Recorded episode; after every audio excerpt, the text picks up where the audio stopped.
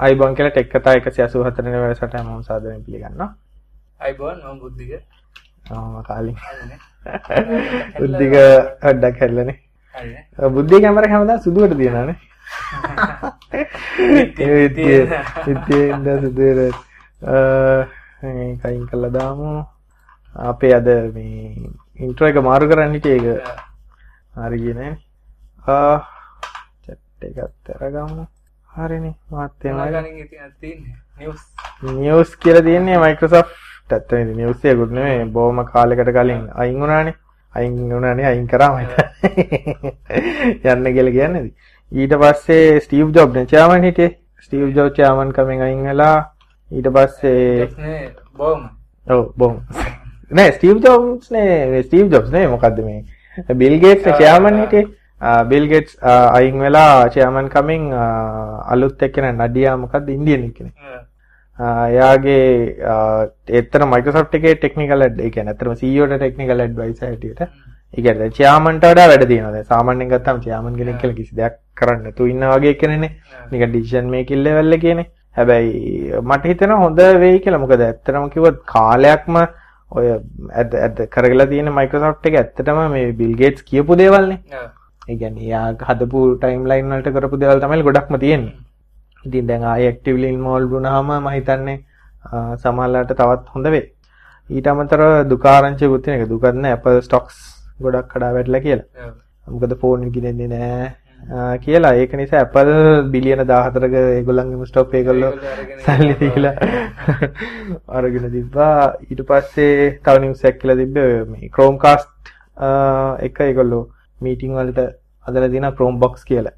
ගැන මීටින් කරන කට්ටියට පෙට්ටියක් වගේ හයි කරගෙන ටක් ගාලා ඒක Asus. ලගේ එකක් මම දැක HP එකකුත් තියෙනවා. ආ HP එකකුත් තියෙනවා. තියෙනවා i7 ප්‍රොසෙසර් එකක්. 4GB RAM ඔය වගේ ඩොලර් අන්න 999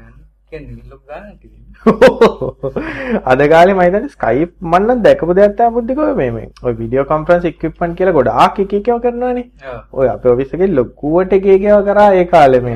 ඒ කියන්නේ අපිත් ඔය මේ තියෙන හොඳම ලොකුම බ්‍රෑන්ඩ් අරගෙන ඒව එකක් තමයි බුද්ධික හරිම කරදරයි පාවිච්චි කරන්න. ඒකට හේතුව කරදරයි කියලා කියන්නේ ඒවට ස්ටැටික් IP ඕනේ, ඒක ඩෙඩිකේටඩ් IP දාන්න ඕනේ, එජා තියෙන ටැග් ආපැත්තේ තියෙන්න ඕනේ. ඒ කරලත් හරියට වෙන්නේ ඊට පස්සේ මම ඔය එක සැරයක් මැලේසියා ගියාමත් ඒ ඒ යුනිවර්සිටි එක ඇත්තටම මේගොල්ලෝ මේ කියන්නේ වීඩියෝ කොන්ෆරන්සින් ලොකුවට පාවිච්චි කරන ලෙක්චර්ස් වලට. ඒ මිනිස්සුත් මාර ගාණක් වියදම් කළා මේ අර ෆේස් ට්‍රැකින් කැමරාස් ඉඳන් එක් අරගෙන කළා තියෙනවා. දැන් ඒ ඉතින් ගත්තාම ලංකාවට ගොඩක් බෑන්ඩිත් වැඩිනේ.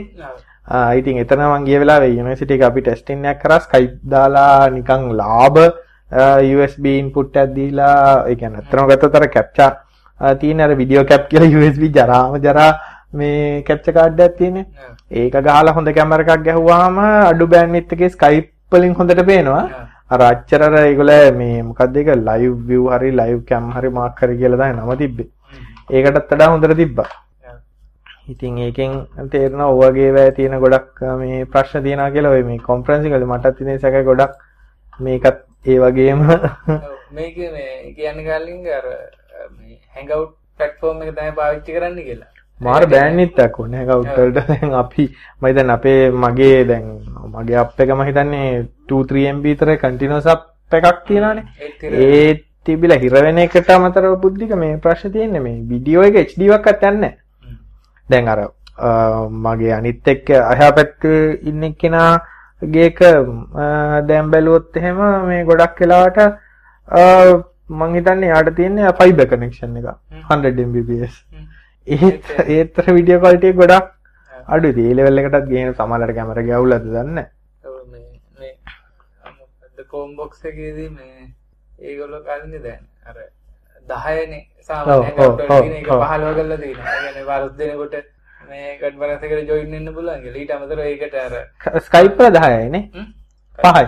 Skype වල 5ද 5යි නේද?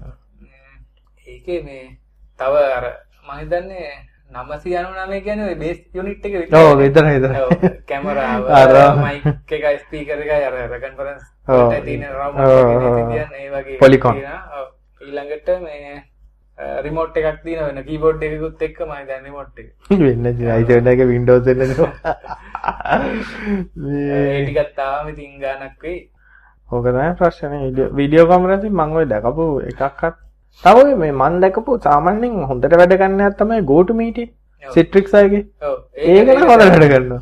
ඒක මොකද ඕනෙත් නෑ. ඔය ට්‍රේනිං වලදීමත් ඔව්. පාවිච්චි කරනවා. මේ ඒක හොඳට තියෙනවා ඒක නිකන් ප්ලගින් එකක් දාගන්න විතරයි තියෙන්නේ. විතරයි Java ඕනේ. මේ ඒකෙදි වැඩ කරනවා මේ. ඒක හොඳක් තියෙන්නේ දැන්. අර Chrome කියලා දැන්. ප්‍රමෝට් කරන්නේ. ඔව්. cast දැන් ඔව්. Chromebox Chrome- හැබැයි ග්ලාසස් විතරක් ග්ලාසස් කියලා නවා ඔව්. ආ හැබැයි Google වල පොඩි අප්ඩේට් එකක් තියා බුද්ධික අර ඒගොල්ලෝ දැන් ආ දැන් glasses ඒගොල්ලොමනේ දුන්නේ ඊට ප්‍රශ්නයක් ආවනේ දැන් ඇත්තටම කන්නඩි දාන මිනිස්සුන්ට මොකද වෙන්නේ කියලා. ඔව්. ඒගොල්ලෝ ෆ්‍රේම් 3ක් 14ක්ද රිලීස් කරලා තියෙනවා දැන්. ඔව්. ආ එතකොට දැන් ඔව් ඒකට හරියන්න Tamanට කන්නඩි ඕනනම් අර ෆ්‍රේම් එක අරගෙන කන්නඩි දෙයක් හයි කරගන්න පුළුවන්. මේ ග්ලාස් කතා කරනකොට මේ ඔව්. Samsung ඔව්. ඒක අපිට ටෙක් කතා කියන්න බැරි වුණානේ Samsung ලයිනස් කරලා තිබුණා කන්නඩි දෙයක් හදනවා කියලා ආ මන් දන්නේ නැහැ ඒක මම හිතන්නේ ඔෆිෂියල් ඇනවුන්ස් කරලා තිබුණා මේ ග්ලාස් එකක් හදනවා කියලා. මම හිතන්නේ ඒගොල්ලෝ දැන් ගොඩක් ප්‍රොමෝට් කරන අර අතේ වදින ඔල්ලෝස් කරන. ඒකේ වෙන ආපහු වෙන ඩිස්ප්ලේ එකට ගත්තා වගේ වැඩක් තමයි. මෙහෙමයි ඉතින් වෙන්නේ නැති. දැන් ඉතින් අර ටැබ් ටැබ් අතට අර අතේ අරන් යනවා කියන්නේ අර. ඒක දැන් ටැබ් එක බෑග් එකේ දාගෙන ඔව්, ඔව්. bag එක කරගෙන. දැන් ආයි අර අනිත් පැත්තට යන ගත්තා වෙන්නේ? දැන් ඉස්සර ෆෝන් පොඩි කරන්න try කරා. ආයි ලොකු කරන්න try කරනවා. එකකට ගිහි කතා එතකොට ආ නිවස් එකක් කියන්නේ අර paper කියලා app එකක් රිලීස් කරන්නේ. ඒකත් ඉතින් පොඩ්ඩක් try කරලා බැලුවා මේ ඒක කියන්නේ වෙනසක් වෙයි මේ මොකද ඒක දැන් trend එකක් වෙයි සමහර වෙලාවට ටික දවසක් යනකොට මේ ඒක අර UI concept එක. දැන් අපි සාමාන්‍යයෙන් app එකක් පාවිච්චි කරද්දී අපිට බටන් ඔබන්න ඕන ඔව්. user interface එක තියෙන්නේ.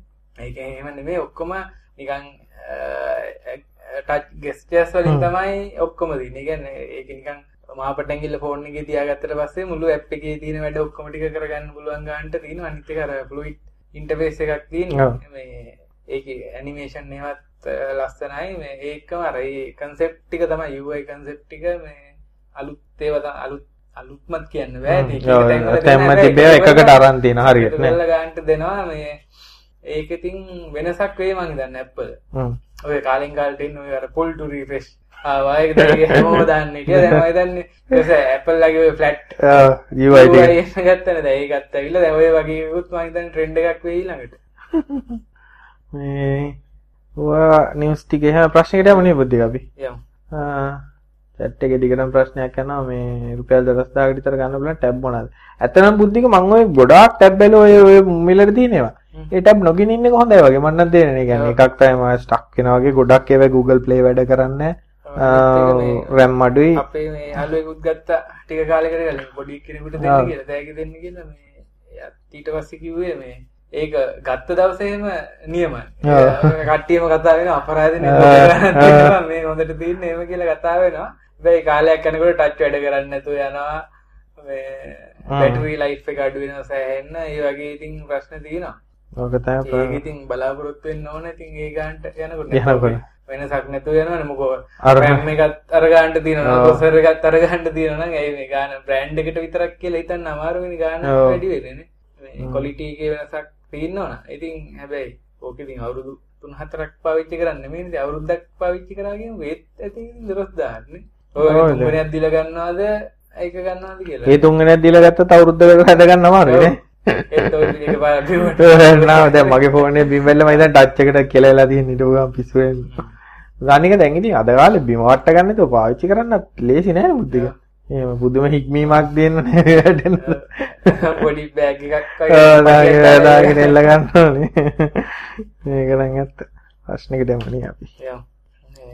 ප්‍රශ්නයක් තියෙන කාලින්ග හොඳ මල්ටිමීඩියා ප්‍රොජෙක්ට් එකක් කොහොමද තෝරගන්නේ කියලා. මේ එකක් දීලා තිනවා මේ මොඩල් එකකුත් කියලා තියෙනවා. Hitachi X3030 කියලා එකක්. ඒක ගැන නම් දන්නේ එච්චර විස්තරයක් නිකන් සාමාන්‍යයෙන් කියමුද මේ කොහොමද? ප්‍රොජෙක්ටර් ගන්නවට ඉතින් ප්‍රොජෙක්ට් එක පාවිච්චි කරන්නේ මොකටද කියලා මුලින්ම තීරණය කරන්න. ඒක දැන් අපි ප්‍රොජෙක්ට් එක ගන්න ගන්න බලීර ප්‍රොජෙක්ටර් එකක් ගන්නවා කියලාට වඩා දැන් ෆිල්ම් බලන වීඩියෝ බලනවා වගේ නම් ප්‍රොජෙක්ටර් එකක් ගන්නවා කියන්නේ බැංක් ලෝන් එකකටත් ඇප්ලයි කළා වගේ set වෙනවා. ගෙදරක පාවිච්චි කරන්න පාච්චයට.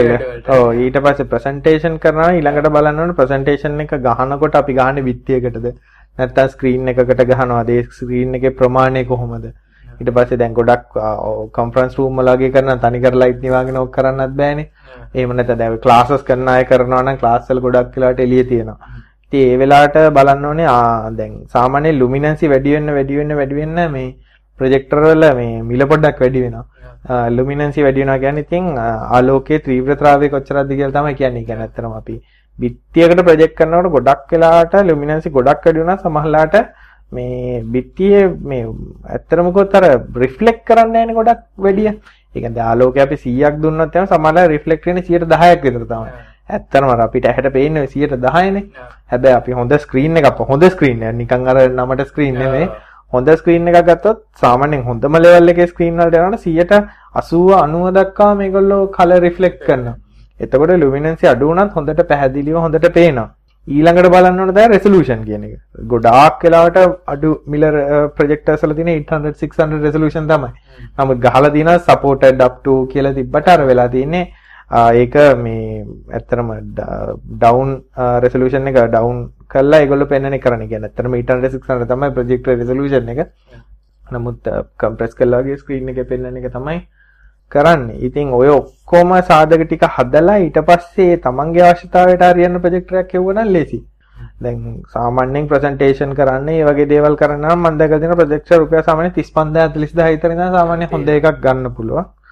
ප්‍රොජෙක්ටර් ගන්නකොට මොඩල්ස් කිව්වොත් එහෙම ඔය ඉන්ෆෝකස් වගේ ගොඩක් ෆේමස් ප්‍රොජෙක්ටර්ස් වලට එනකොට ඉන්ෆෝකස් ඊට පස්සේ එප්සන් ඒ වගේ ප්‍රොජෙක්ටර්ස් ගොඩක් හොඳ විදිහට තියෙන්නේ. ඊළඟට අහන්න ඕන ලොකුම ප්‍රශ්නේ තමයි බල්බ් එක කොච්චර කාලයක් පවතිනවද?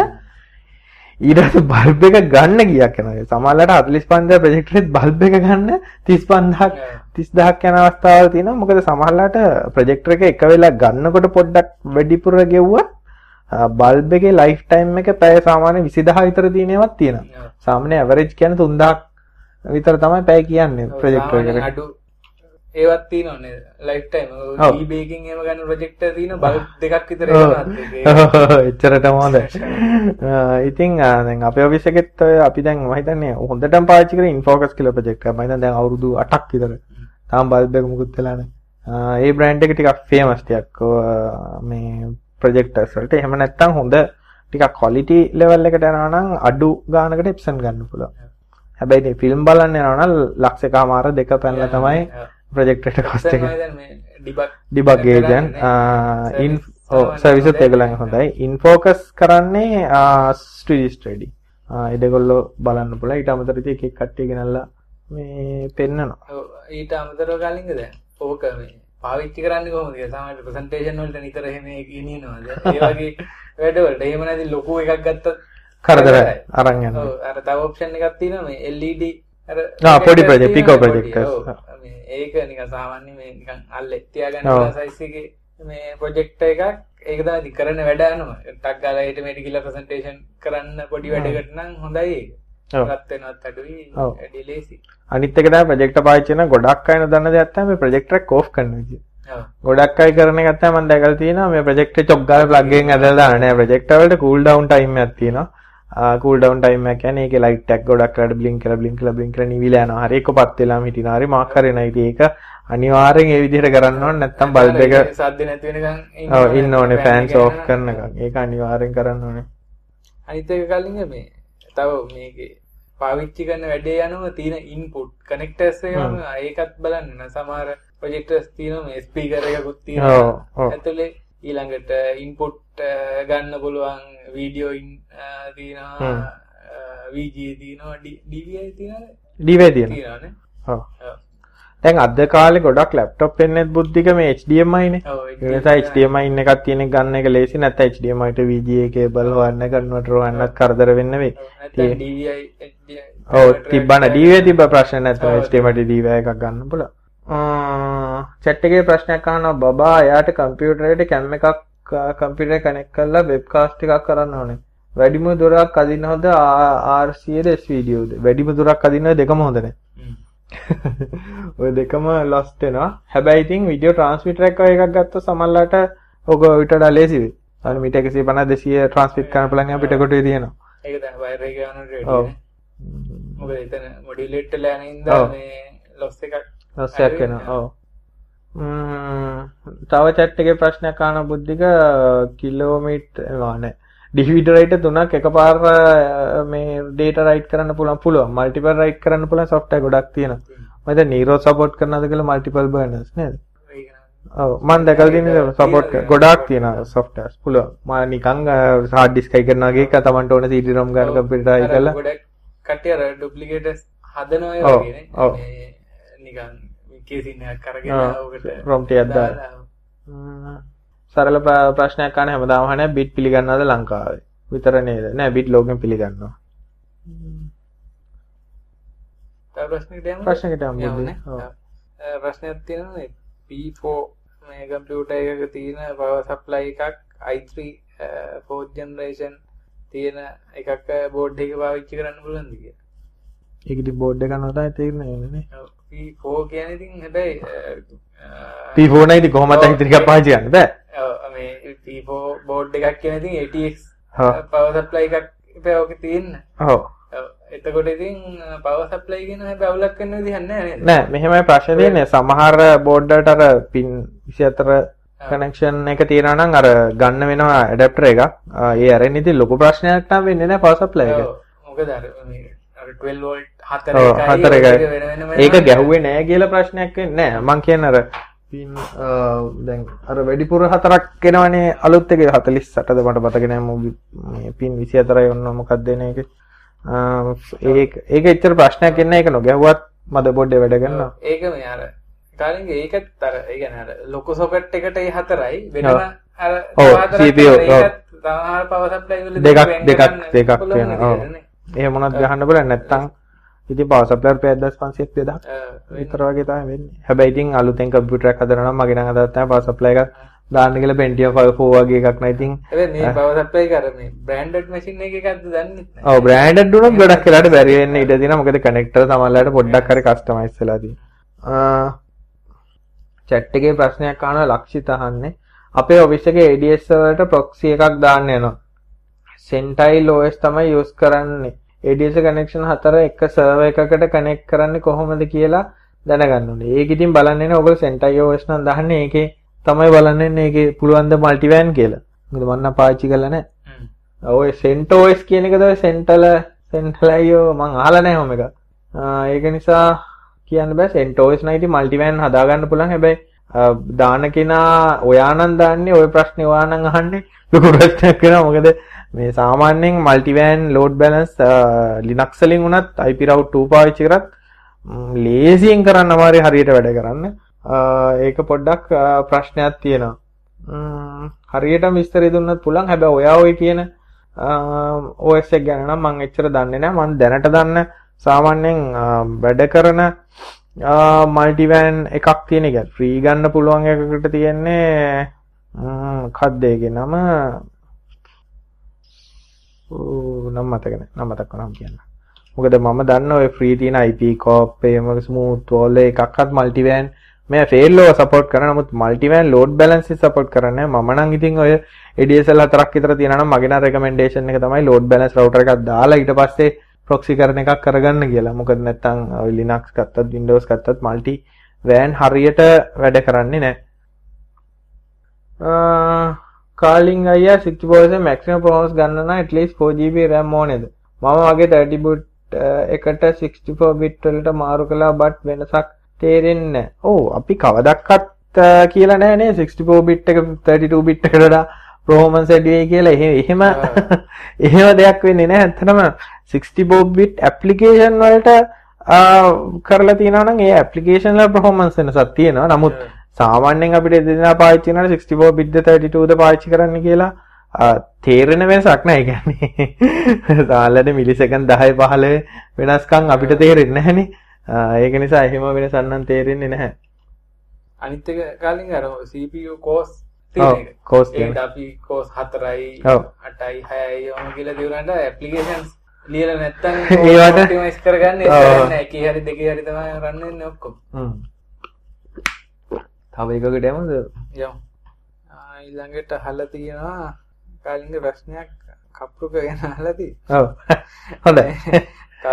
කප්රුක ග්ලෝබල් ෂොප් එකකින් මේ බඩුව ගත්තාම PayPal හරහා ගෙවීම් කළා. දින 45ක් ඇතුළත අයිටම් නොලැබුණොත් රිෆන්ඩ් කරන්න පුළුවන්ද? රිෆන්ඩ් ගන්න පුළුවන්ද?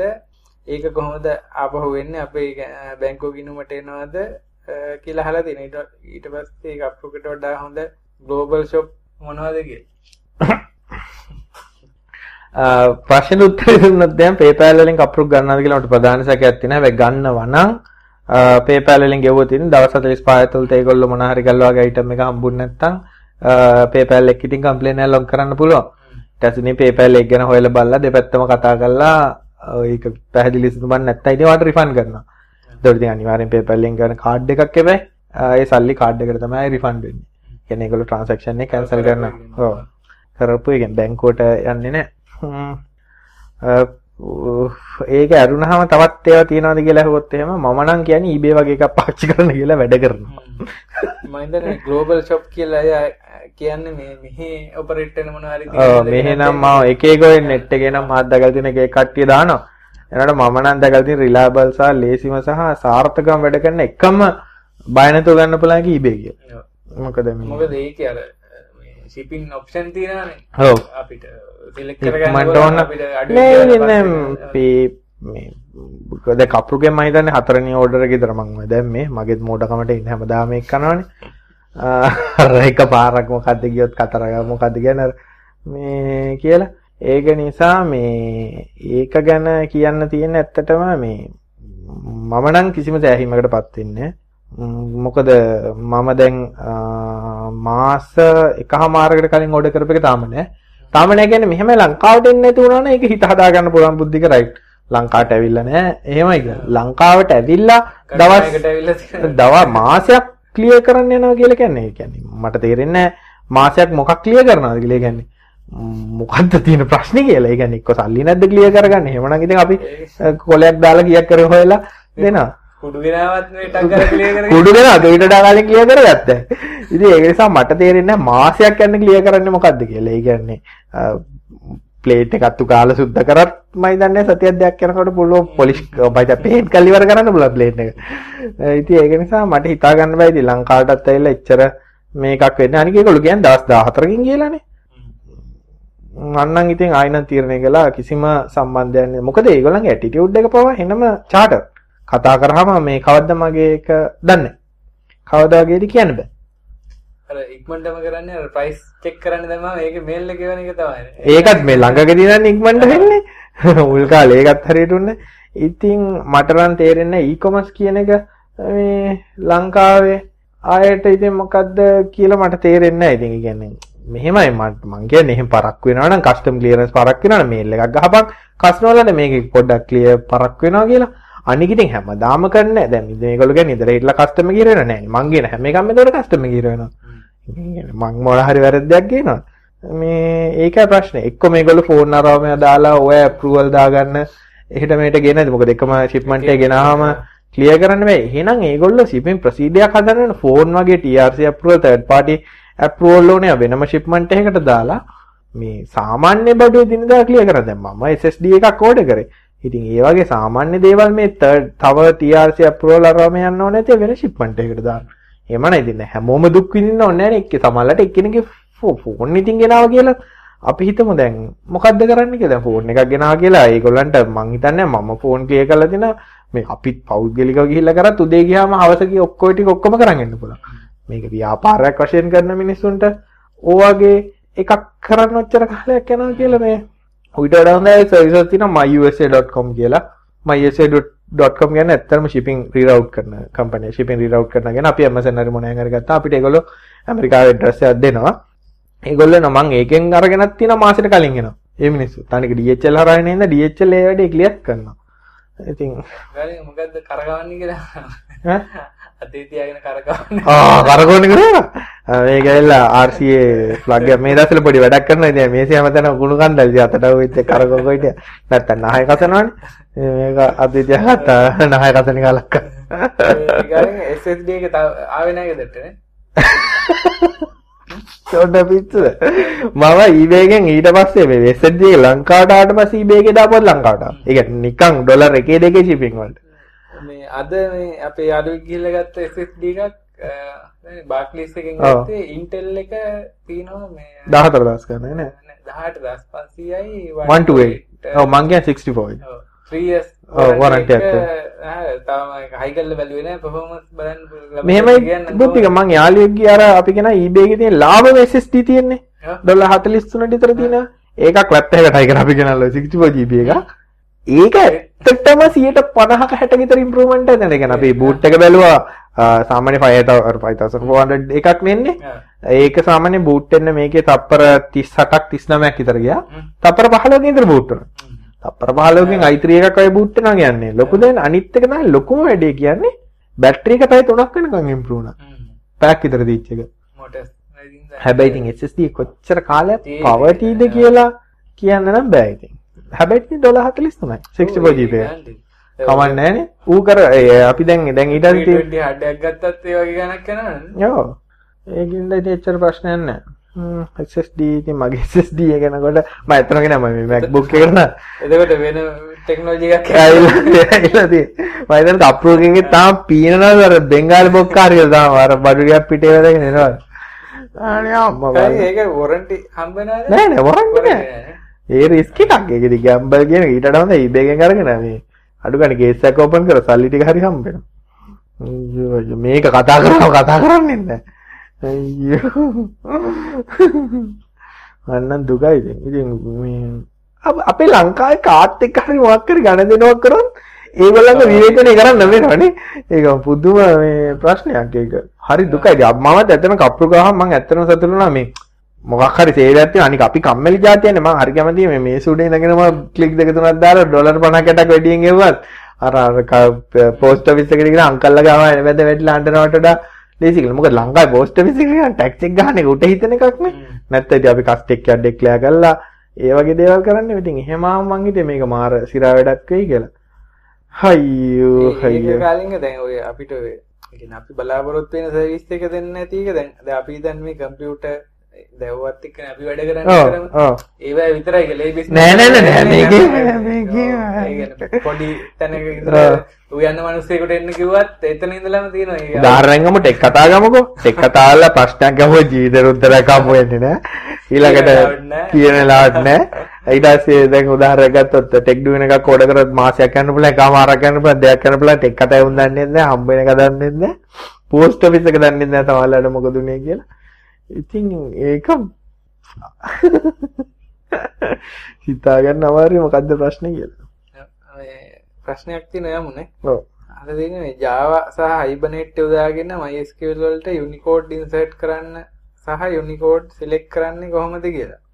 NetBeans කියලා තියෙන ID එක. NetBeans ID එක නම් එච්චරම අදාළ වෙන්නේ නැහැ. මම හිතන්නේ මේ අවුල තියෙන්නේ කාලින්ග ඩේටාබේස් එක UTF දාලා නැතේද නේද ඔව්, ගොඩක් වෙලාවට ඒක වෙන්න පුළුවන්. අනිත් එක මේ Hibernate වල මේ අර config file එකක් තියෙනවා. ඒකේ මේ කනෙක්ෂන් ස්ට්‍රිං එකට තියෙනවා පැරාමීටර්ස් යවන්න මට පැරාමීටර් නේම් නම් මතක නැහැ. පොඩ්ඩක් සර්ච් එකක් දැම්මොත් Google සර්ච් කරොත් Hibernate කනෙක්ෂන් ස්ට්‍රිං UTF-8 වගේ සර්ච් කරොත් එහෙම එයි මේ ඒකට පැරාමීටර්ස් දෙකක් පාස් කරන්න තියෙනවා UTF-8 විදිහට කනෙක්ෂන් එක. ඒ කියන්නේ ඇත්තටම උදාහරණයක් ගත්තොත් ඔය ඔය ප්‍රශ්නේ ළඟදී අපිටත් තුනා ප්‍රොජෙක්ට් එකක් කරපු එකක මේ ඩේටා ටිකක් වෙබ් සර්විස් එකක පාස් කරනකොටත් UTF data එනකොට ජංක් වෙලා යන්නේ. URL encode කරන්න නැතුව යවුවොත්. ඉතින් ඕක මේ JS වලින් විශේෂයෙන් කරනකොට ප්‍රශ්නේ එනවා. ඒ වගේ ප්‍රශ්නයක් ඇති මොකද සාමාන්‍යයෙන් normal text එක වැඩ කරාට Unicode double byte characters එක වැඩ කරනකොට ඒක encode කරලා වගේ යවන්න ඕනේ. මම දැන් ඔතනත් ඇත්ත ඒක මම Java ගැන කිසිම දෙයක් දන්නේ නැහැ. ඔතනත් ඇත්ත ඔය වගේ ප්‍රශ්නයක් නෙවෙයි. අනිවාර්යයෙන්. කියන්නේ මෙතන දෙකක් තියෙනවා. දැන් එකක් තමයි database පැත්ත. දැන් දැන් Hibernate කියන්නේ එකක්නේ. ඔව්. ඒක database එකත් එක්ක මොකෝ interface වෙන්නේ ඒකනේ. එතකොට ඔය දෙකක් තියෙනවා. එකක් තමයි database එක compatible වෙන්න ඕන UTF-8 වලට. ඒ කියන්නේ table එක ඒ character set එක ඒ ටික ඔක්කොම හදන්න ඕන මේ UTF-8 support කරන්න. අනිත් එක Hibernate වලට කියන්න ඕන මේ UTF-8 enable කරගෙන වැඩ කරන්න කියලා. මේ ඒකට තමයි ඔව්. string එකෙන් දෙන්නේ මේ. ඔව්. එතකොට හරිය යෝග මේ Google search කරොත් නම් දෙකම. මේ stack overflow එකේ නේද? ඔව්.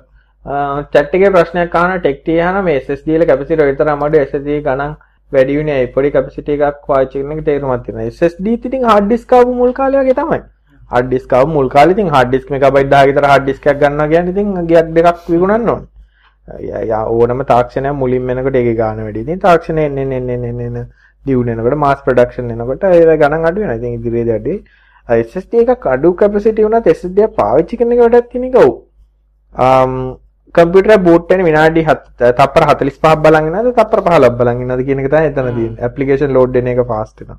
ලැප් එක ගන්න බැටරි සේව් වෙනවා. ඉතින් ගොඩක් වෙලාවට කරන්න ඕනේ SSD එකට OS එක වගේ දාලා තමන්ගේ data ටික වෙන hard එකකට දාලා තිබ්බනම් ප්‍රශ්නයක් නැහැ. access ප්‍රශ්නයක් නැති වෙනවා. 1 to 8 one tweet එක හොඳට හොඳට නැති. OS එක application ටිකයි දාගන්න application වල වැඩ කරන data ටිකක් තියාගෙන ඉන්න හොඳට ඔව් දැන් මගේ ලැප් එකේ තියෙන 160ක්. තවත් ඉතුරුයි මම ගොඩක් මම ලැප් එකේ කරන්නේ වෙන ඉන්ටර්නෙට් එක විතරයි. මේ තව එකක් එහම ගලින්ග මේ ටොෂීබාර ලැප්ටොප් එකක් මාකට් කරන මේ දවස්සල මොකක් හරි හයිබ්‍රිඩ් ට්‍රයිව් හරි ඔය ඒක මෙම හයිබ්‍රිඩ් ඩ්‍රයිව් දැන් ගොඩක් තියෙනනේ SSDD ආ ඒ කියන්නේ SSD in තියෙනවා මේකක් තියෙනවා. ඒක හැබැයි 100ට කැපැසිටි එක වැඩි. දැන් අර මේ Mac වල එන්නේ. ඔව් Mac වල එනවා වගේ fusion drive එක වගේ. හැබැයි ඉතින් යා considerable වෙනසක් තියෙනවා. SSD එකක් තරම්ම නෑ.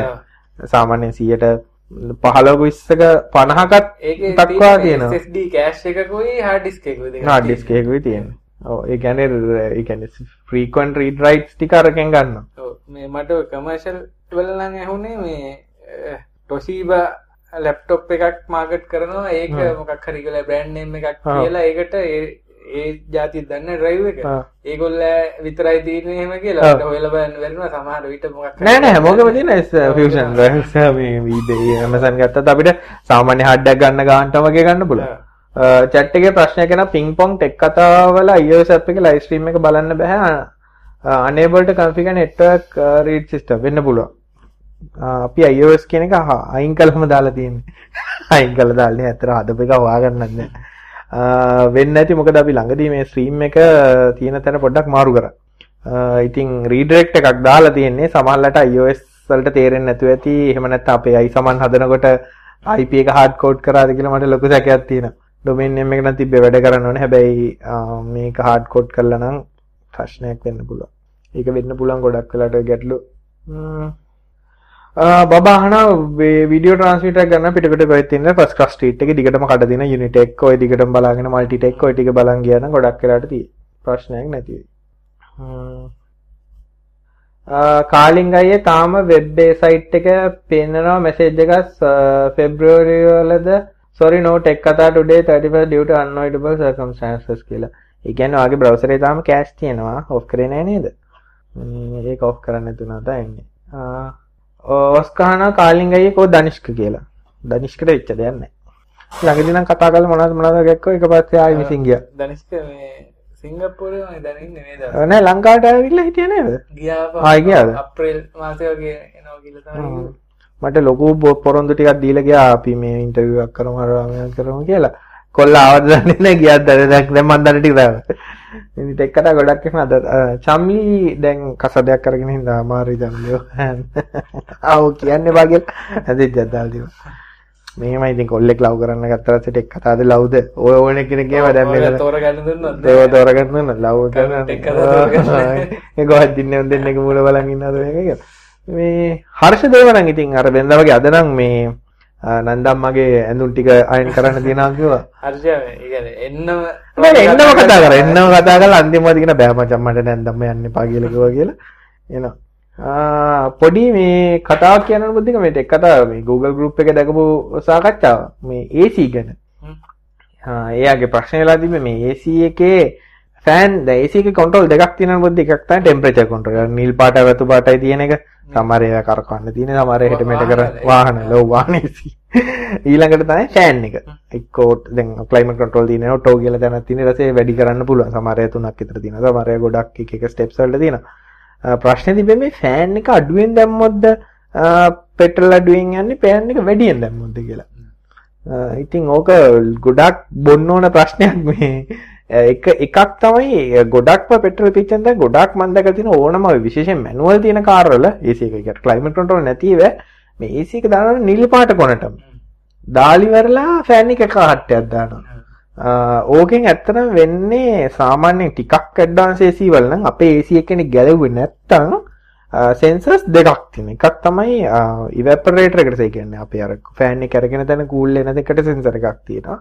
ඊළඟට එන්වයරන්මන්ටල් සෙන්සර් එකක් තියෙනවා. ඒ කියන්නේ ඇත්තටම කාර් එක ඇතුලේ ටෙම්පරේචර් එක කොච්චරද කියලා බලා ගන්න තියෙනවා. ඔය අර කරකෝණකින් අපි තීරණය කරන්නේ අපේ අර නිල් පාටකටම දාන එක ඒකෙන් තීරණය කරන්නේ වාහනේ ඇතුළේ උෂ්ණත්වය කීයකට පවත්වාගෙන යනවද කියලා. ගොඩක් වෙලාවට මේ පැත්තේ කොනටම ඒ කියන්නේ නිල් පාට කොනටම දැම්ම කියන්නේ සෙල්සියස් අංශක 18. 18ට ලංකාවේ AC එකක් කූල් කරන්න නම් කම්ප්‍රෙෂර් තුනක් විතර එක දිගට දුවන්න වෙනවා මේ දවල්ට එහෙමනම්. ඉතින් එතකොට වෙන්නේ නැත්නම් වාහනේ නවත්තලා දීලා දාන්න දාන්නේ. ඒත් බෑනේ අවුවට රත් වෙනවනේ. ඒක අර කඩෙච්චරකට හුලම වදින්නේ නෑනේ. එතකොට වෙන්නේ කම්ප්‍රෙසර් එක හැමතිස්සෙම දුවනවා. හැමතිස්සෙම දුවනවා කියන්නේ අර දෙවනි සෙන්සර් එකෙන් ට්‍රිගර් වෙනවා අරක ඕනට මේ හීට් වෙනකොට ආයි නවතිනවා. එතකොට වෙන්නේ AC එක ඇත්තටම මේ හැමතිස්සෙම කම්ප්‍රෙසර් එක කරගෙන නිසා වැඩිපුර පෙට්‍රල් හරි ඩීසල් හරි වැය වෙනවා. මොකද එන්ජින් එකෙන් කරගෙන ඉඳලා. හැබැයි ෆෑන් එක සාමාන්‍ය මධ්‍යමට වඩා උපරිමට කරකවනවා කියලා කියන්නේ AC එක ගොඩක් අඩුවෙන් එන්නේ. ඒකට හේතුව තමයි අර එවැපරේටර් එකට එක හුලං ගැටෙන්න තියෙන කාලේ ගොඩක් අඩුයි. ටක් ගාලා එකකින් යන නිසා වාතය සිසිල් වෙන්න යන කාලය වැඩි. ඉතින් එතකොටත් කම්ප්‍රෙසර් එක දාවන වෙන ප්‍රාණි ගොඩක් වැඩි. සාමාන්‍යයෙන් මධ්‍යම හෝ අඩු වගේක් දාගෙන ඉන්නකොට හැමතිස්සෙම ටිකක් ඒ කියන්නේ අපිට ඇඟට වදින හුලන්න වැදුනාට ඇතුළ කූල් වෙන එක ඉක්මන් වෙනවා ටිකක්. ඕක කියන්නේ AC වලටයි හීට් එකටයි දෙකටම බලපානවා. එක විදිහට නේ. අපි අර හීට් කරන්නේ නැති හින්දා නැති කරන්න ප්‍රශ්නයක් නැහැ.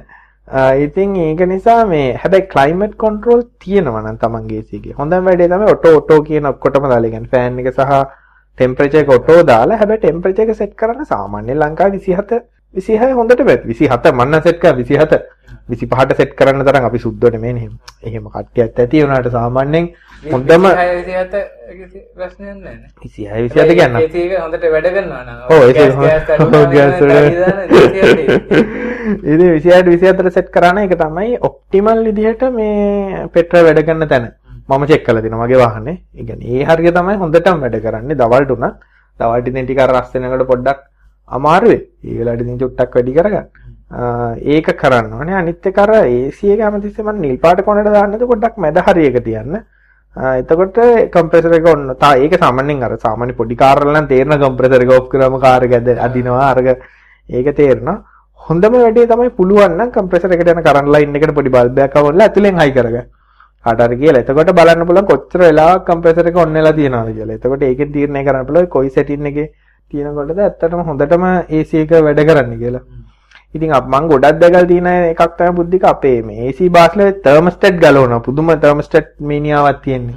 මොකද හොඳට කූල් වෙන්න ඕනේ කියලා. එහෙම කරපුවා නම් ඉතින් කොයි සෙටින් එකකට දැම්මා. ඒ. කියන්නේ ඒක නිතරම වැඩ.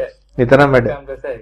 කම්ප්‍රෙසර් ආයු කාලය අඩු වෙනවා. මම මන් දන්නේ මගේ නම් අර මං AC එකට දුන්නාම හොඳට බලන් එක. හොඳට මදුර මනසේ තමයි හදන්නේ. ඒත් මම පුදුම බයෙන් ඉන්නේ මොකක් හරි එකක් ගලවනවා. දැන් මේ පාර මන් දවසක් යනකොට මං දැන් ක්ලයිමේට් කන්ට්‍රෝල් කියන්නේ වා එළිය ටෙම්පරේචර් එක මොකක් වුණත් කමන්නේ ඇතුලේ ටෙම්පරේචර් එක එක ගන්න උදාහරණයක් ගත්තොත් එළිය 22 නම් මම 27ට නම් තියන් ඉන්නේ කාර් එක කරන් රත් කරලා 27ට හදනවා. මගේ රත් වෙන්නේ නැහැ. අල්ලෝ වෙල්ලෝ මොකක්ද උනේ මේ කියලා මූ අර අර මේ හීටලා ඉන්නේ නේ වයර් එක ගලවලා. ඒක ඕනේ ඒක ඒක වන්නේ ඌට කලින් පාර හදපු වෙලාවේ මූ ගලවලා තිබ්බර එළියෙන් උලන් ගන්න කෑල්ල ඒක ගලවලා. මොකක් හරි එකක් කරනවා. අයි තුමා ඒ කියන්නේ කම්පියුටර් එක පාලනය කරනකොට බුදු විරෝධත්වයක් දෙන්නේ නැහැ. පා පා දැන් මේ කට්ටිය අහන ප්‍රශ්නයක් තමයි කාලින්ද මේ. AC එක ඔෆ් කරනවද අපි. කියලා බටන් එක ඒකෙන් ඔෆ් කම්ප්‍රෙසර් එක ඔෆ් වෙන එක ඔෆ් ඔව් ඒක හොඳද? නිතරම ඔෆ් කරාට අවුලක් නැද්ද? එහෙම කියලා අහනවා. අවුලක් වෙන්න විදියක් නැහැ. මොකද නිතරම කොහොමද ඔන් ඔෆ් වෙනවා ඒක නිසා පුරුද්දට වගේ කරන වැඩක් තමයි මේ ගෙදරට එන්න මීට 3 400කට කලින් Off ඔෆ් කරන. කරලා දාන්න ඔව් මම මගේ නම් එක ඒක AC වල මතක තියාගන්න ඕන තමයි එන්ජිම ස්ටාර්ට් කරනකොට එක ඔෆ් කරන්න. ඒක කරන්නම ඕනේ. මොකද ඒකට හේතුව තමයි නැත්තම් ස්ටාර්ටර් මෝටර ඉක්මනට නරක් වෙනවා. මොකද ස්ටාර්ටර් මෝටරේ තවත් වැඩිපුර බරක් එනවා මේ AC එකට. මොකද එන්ජින් එක ස්ටාර්ට් කරන්න නැතුණාද AC ක්ලච් එක අල්ලලා තියෙනවා. එතකොට ඉතින් තවත් ටිකක් බරදාල බම් බම් බම් ගාලා දැන් ඕක ඉතින් අදාළ නෑ මේ හයිබ්‍රිඩ් වාහන බුද්ධිගේ වාහනේට ඇත්තටම අදාළ නෑ ඔය කතාව. ඔක දෙක දුවන්නේ ඉලෙක්ට්‍රික් නිසා. මෝටර එක දුවන්නේ. මේ නැත්තම් ඒක තමයි වැඩේ මේ මම නම් සාමාන්‍යයෙන් කරන්නේ ෆෑන් එක පළවෙනි කට්ටර තමයි දාන්නේ දවල් නෙමෙයි නං. කියන්නේ ඔටෝ එකෙනුත් අයින් කරලා මම ටෙම්පරේචර් එක 24 සෙට් කරන්නේ. පළවෙනි කට්ටට වගේ තමයි දාන්න හොඳටම ඇති. අනික මගේ කාර් එක කියන්නේ මේ AC වලට අනවයිද මගේ කන්ඩෙන්සර් එක ඇති මෙන්න මෙච්චරක් විතර. ඇත්තම ඇත්තම හයිත් එක මෙන්න මෙච්චරක් ඇති. මෙන්න මෙච්චර එකක් තියෙන.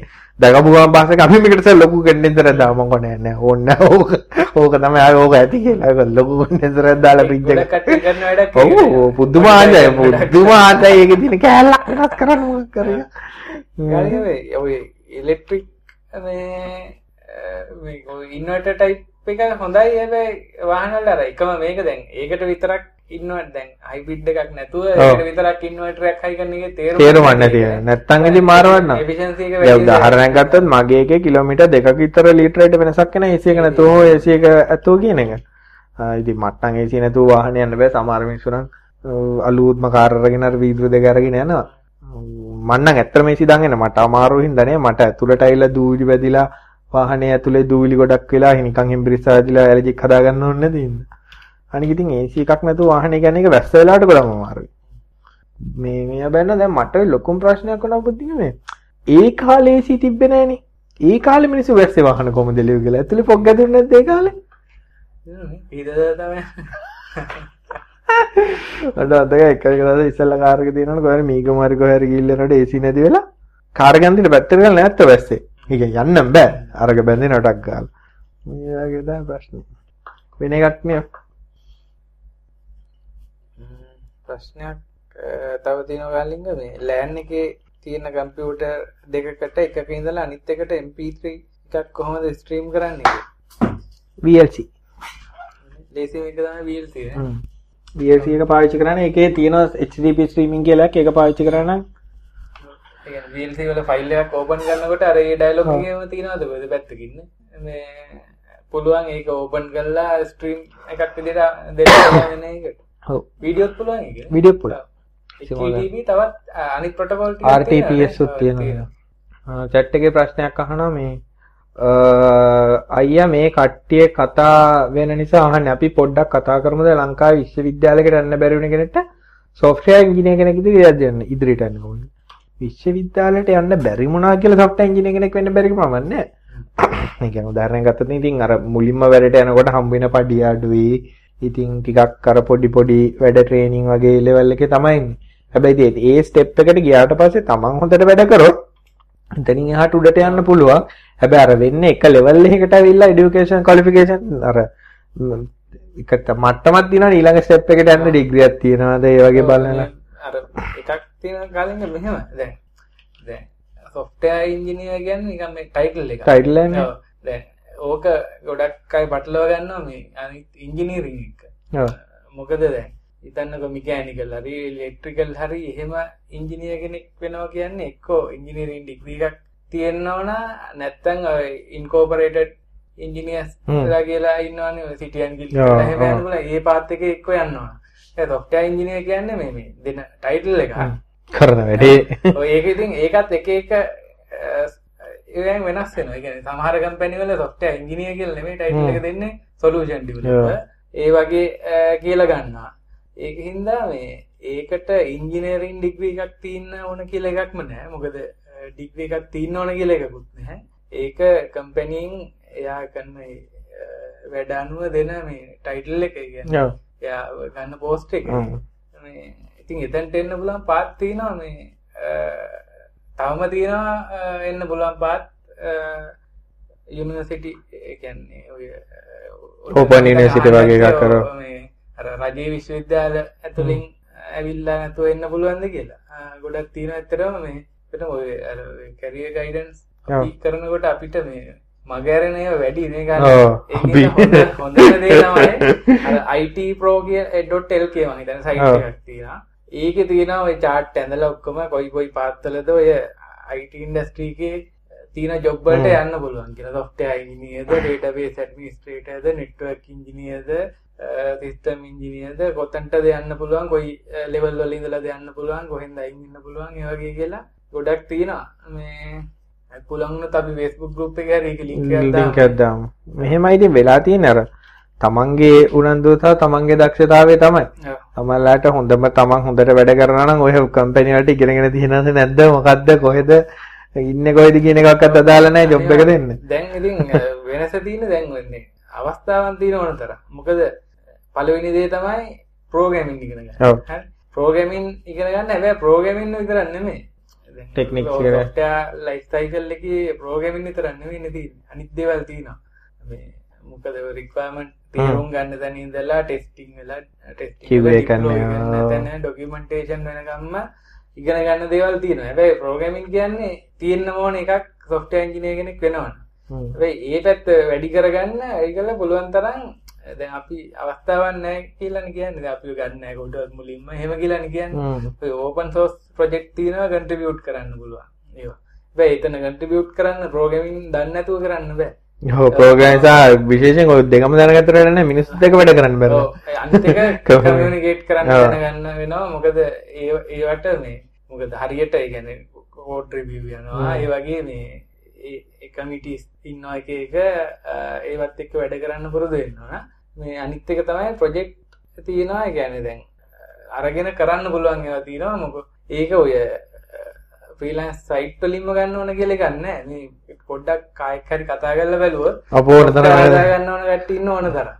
ඒක නිකන් ඔය කඩේකට ගිහින් මිනිස්සෙක් එක්ක කතා කරලා බලන්න. එයා ගන්න වැඩ ටික ලේසි කරගන්න කියලා මිනිහාගේ අයිඩියා එක තියෙනවා.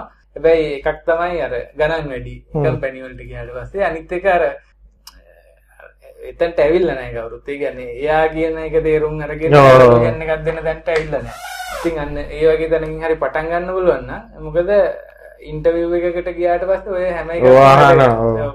මේ මොකද කොච්චර ඉන්ටර්විව් කරත් හැකියාව මනින්න ක්‍රමයක් නැහැ නේ බුද්ධික. ඔව්. මිනිහෙක් කවුද කියලා දැනගත්තට ඇත්තටම වැඩ පුළුවන්ද බැරිද කියන එක මනින්නේ ඔය වගේ වෙන තමයි මොනවාද ෆයිනල් ඉයර් ප්‍රොජෙක්ට් කරේ නැත්නම් දැනට software මොකද්ද මේ ගොඩාක් ලොකුම ප්‍රශ්නේ තමයි ෆයිනල් ඉයර් ප්‍රොජෙක්ට් එක මතක් වෙන්නේ ආ මොනවාද ෆයිනල් ඉයර් ප්‍රොජෙක්ට් කරේ ආ සිස්ටම් එකක් හදලා මේ Library system ලයිබ්‍රරි එකක්. හ්ම්. සිස්ටම් ගොඩාක් තමයි ඒකට ඔය වගේ එකක් හදුවගෙන පාවිච්චි කරේ? ටෙක්නොලොජි. අපි තමයි කරේ. ආ, ම්, DBMS එහෙම මොන හරි පාවිච්චි කරා. කියලා බැරනවා දැන්. ඊට පස්සේ මොනවාද පාවිච්චි කර මෙතඩොලොජිස් මොනවාද කරේ? කොහොමද ඔයගොල්ලෝ ඩිසයින් කියන්නේ ඒ ගොඩක් වෙලාට ෆයිනල් ඉයර් ප්‍රොජෙක්ට් එක කෙනෙක් හරි දෙන්නෙක් හරි කරන්නේ.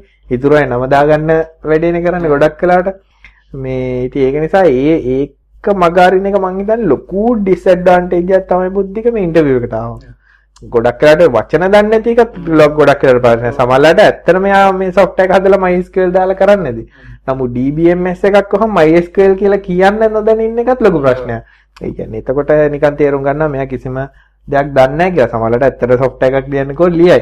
නමුත් ඒ වුණා documentation එකක් කියවලා system එකක් implement කරන්න ගියාම තේරෙන්නේ නැති වුණාත් ආයෙ ප්‍රශ්නයක් නෑ බුද්ධි. දෙපැත්තක් තියෙන දැන් අපි හිතාගෙන යනවා අපි ඉන්ටර්විව් එකකට යනවා නම් අපි ප්‍රොජෙක්ට් එකේ වැඩ නොකරට ඔක ගොඩ දාගන්න පුළුවන් වෙයි කියලා. හැබැයි ඉන්ටර්විව් ගන්න එක්කෙනා එවලට කිව්වේ නැතත් මොනේ පේන්නේ නැතත් ඒ මනුස්සයාට තේරෙනවා මේ මොකද විස්තර ටිකක් අහලා ඇතුලේ ඇතුලේ දැන් මොකද ඉන්ටර්විව් ගන්න එක්කෙනා දැන් අර එන්න කලින් CV එක බලලා බලලා ready වෙලා ඉන්නේ. කතා කරන ඒ වගේ තේරෙන්න පුළුවන් ගොඩක් වෙලාවට වැඩ කරලා නැත්තා. අනිත් එක තමයි ඉන්ටර්විව් එකකට ගියත් දැන් ඉන්ටර්විව් එකෙන් උත් මනින්න පුළුවන් මට්ටමක් තියෙනවානේ. ඔව්. ඒකෙදි මේ දැන් ඔය හොඳටම උත්තර දුන්න කියන්නකෝ. ඒත් මෙයා වැඩට ගියාට පස්සේ කොහොම කරයිද කියලා. හිතා ගන්න බෑනේ. එතකොට තමයි ඔය දන්න කට්ටියකින් අහලා ගොඩක් වෙලාවට CV එකේ නම් දාලා තිබුණාට එයාගෙන් අහලා ගන්න. ඒක අඩුයි පොඩ්ඩක්. මොකද ඒ මාස්ටර් කලින් කියලා නේ මං ගැන කියන්නේ. ගොඩක් වෙලාට ගන්න කැම්පස් එකේ තව එන කෙනෙක්ගෙන් අහලා අඳුරන කොහොමද දැන් අඳුරන අඳුරන ඉන්නවනේ වලස. ගොඩක්. ඒ කියන්නේ දැන් අපි හිතමු යුනිවර්සිටි ඉඳලා ආවා කියලා. එතකොට ඉන්ටර්න් කරන්න කොහේ හරි සෙට් වෙනවනේ. ඒකෙන් අහන එතකොට ඒ කම්- ඔය කම්පැනි අතර ඉන්න ගොඩක් අඳුරනවානේ යාළු යාළු ඉන්නින්ද. එයින් අහලා ඒ වගේ තමයි ඉතින් ගන්න. ඒකින්ද වැඩ කරන එක වැදගත්. මේ ඔව්. අනිත් එක ඉතින් ගියාට පස්සේ. ගියාට පස්සේ එවලුවේට් කරනවානේ අවුරුද්දෙන් අවුරුද්ද. හ්ම්. ඉතින් අවුරුද්දක් ඉන්න පුළුවන් නේ ඉතින් වැඩ කරන්න නැතුව. ඔව්, ඊට පස්සේ දිගන් දෙගොල්ලන්ගේම කාලේ අපරාධයක් තමයි වෙන්නේ හරියට නොකරම ඒකින්ද මේ අර අහපු ප්‍රශ්නෙට උත්තරයක් දෙනවා නම් තාම ඒ ගොඩක් පාත් තියෙනවා මේ එන්න software engineer කෙනෙක් වෙන්න පුළුවන් soft engineer කියන වචනට ගොඩක් ආසනේ. ඒක ඇවිත් software engineer කෙනෙක් වෙන්න. සමහර කම්පැනි වල software engineer කියන වචනේ දාන්නෙත් නෑ මේ software develop කරන අයට. ඒක නිසා engineer කියන title එක දාගන්න එක දැන් අද කාලේනේ ඉස්සර දැන් අම්මලට ඕනේ පුතා engineer කෙනෙක් හරි දොස්තර කෙනෙක් හරි කර. දැන් නම් ඇත්තටම දෙකම වැඩක් නෑ බැංකු මාසෙ අන්තිමට බැංකුවේ බැලන්ස් එක කීයද කියන එක තමයි මම හිතන්නේ. අද කාලේ වැදගත්ම ප්‍රශ්නේ. ඉංජිනේර් තිබ්බට වැඩක් නෑ නේ. මාස අන්තිමට මචං රුපියල් 500ක් නැද්ද බං? කියලා අහන එක. ඒක නිසා එහෙම්මම හිතන්නත් එපා. අනික හැමෝම අද කාලේ මම දකින දේ තමයි කම්පියුටර්ම කරන්න හදනවා. ඒක දැන් ඒක අන්ට ඇවිල්ලා දිනේ ගෙදරින් අර ඕ ගෙදරින් දැන් හැමෝම මගේත් හැමෝම අහන්නේ මේ පොඩි එක මේ පුතාව කොම්මන කම්පියුටර් ක්ලාස් එකට දාන්න යකෝ ඌ කම්පියුටර් වලට ආසද ඌ? හරියද කම්පියුටරේ මත්තේ උදේ රැද මට අපේ පුතා උදේ ආපු වෙලේ ඉඳන් කම්පියුටරේ තමයි ඉන්නේ. හරි ඉතින් ඌ Facebook යනවා ඇති chat කරනවා ඇති ගෙල්ලන් ඒවා ලෝ ඉතින් කම්පියුටරේට ලයිට් එක කියලා. ඌට කම්පියුටර් වල ඔන්න ඉස්සර නම් ඔය ඔය ලොජික් එක හරි. අපි අපි පොඩි කාලේ කම්පියුටර් වෙලා ඉන්නවා කියලා කියන ඇත්තම නෑ ඉගෙන ගන්න කරන්න යන්නේ නෑනේ කම්පියුටර් ඒක හරියට යාර. උදේ ඉඳන් ටීවී බලනවා කියලා ටීවී හදන්න උගා ඒක නිසා මේ සාමාන්‍යයෙන් තමන් කැමති මොකක්ද මොකද මන් නම් දකින දෙයක් තමයි කවුරු මොනාකවත් තමන් ආස රැකියාව කරන එක තමයි හොඳ.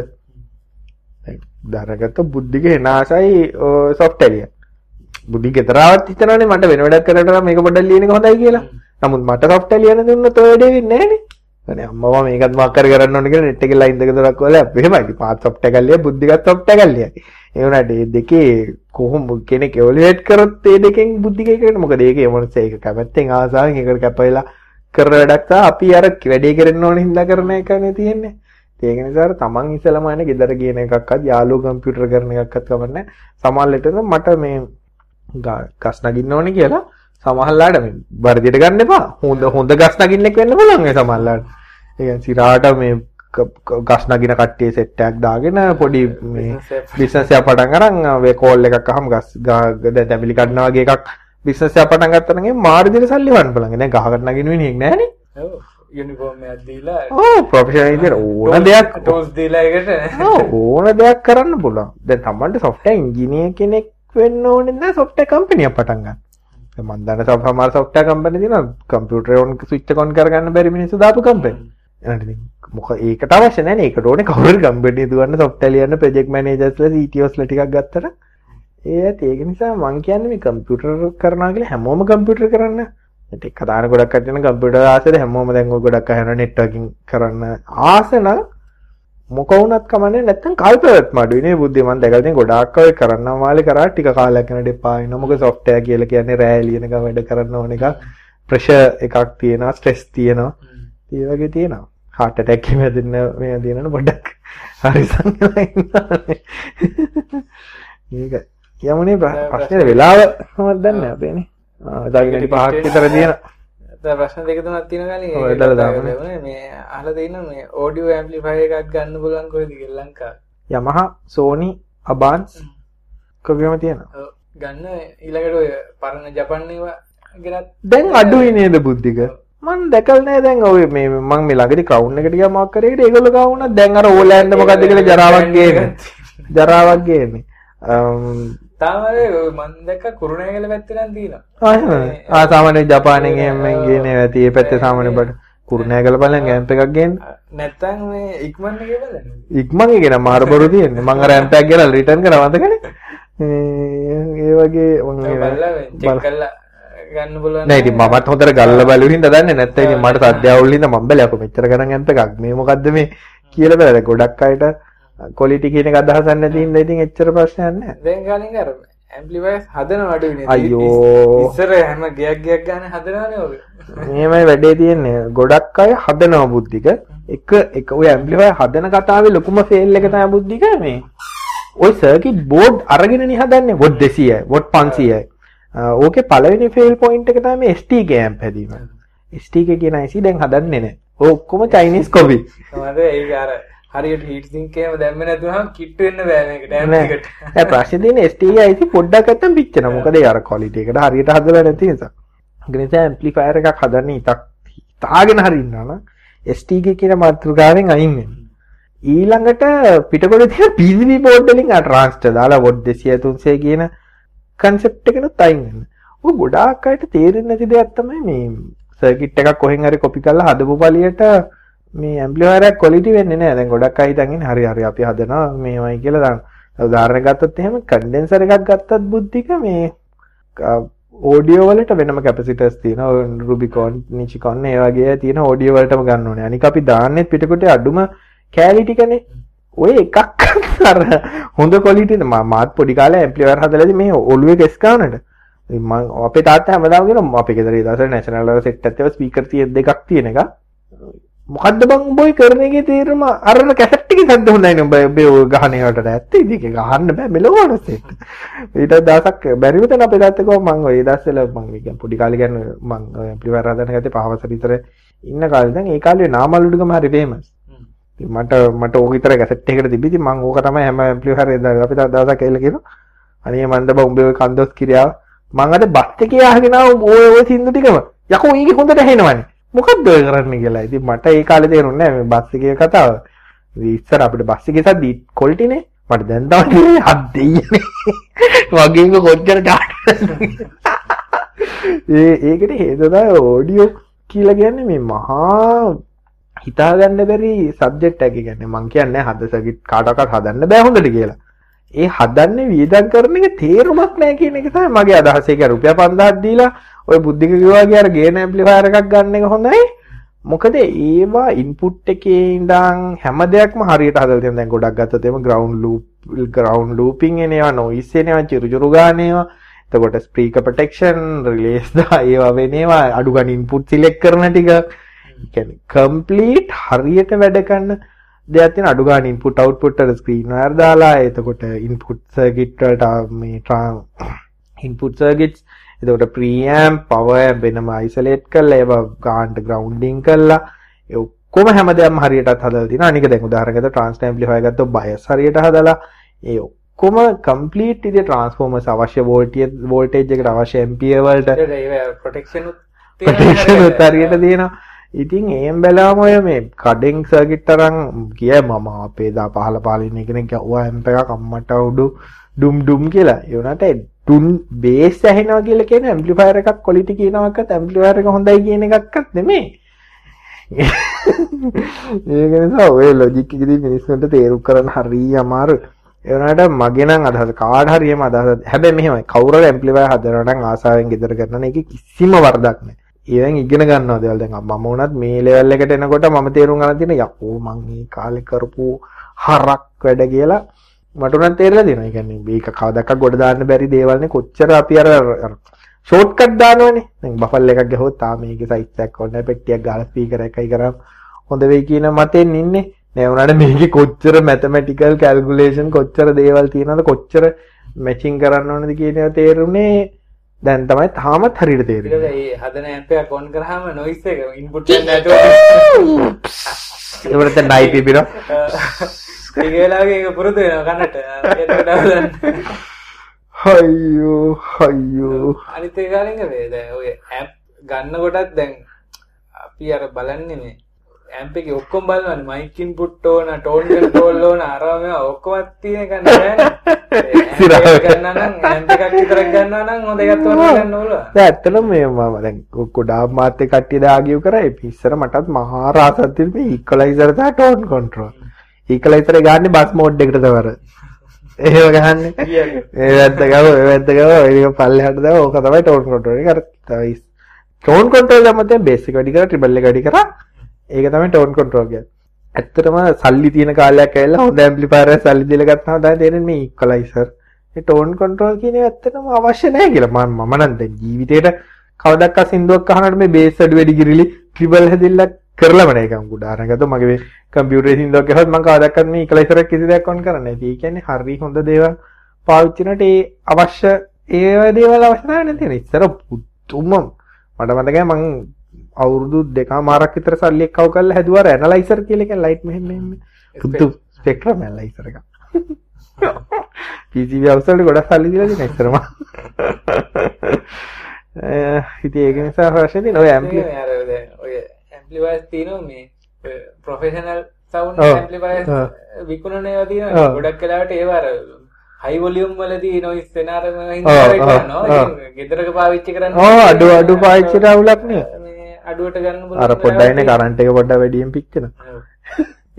එච්චරයි මේ අනික ඔය දැන් ඔය දැන් ගොඩක් දැන් මේ දවස්වල ලොකුම ෆේමස් එක තමයි ක්ලාස් D ඇම්ප්ලිෆයර්ස් කියන ඒවා.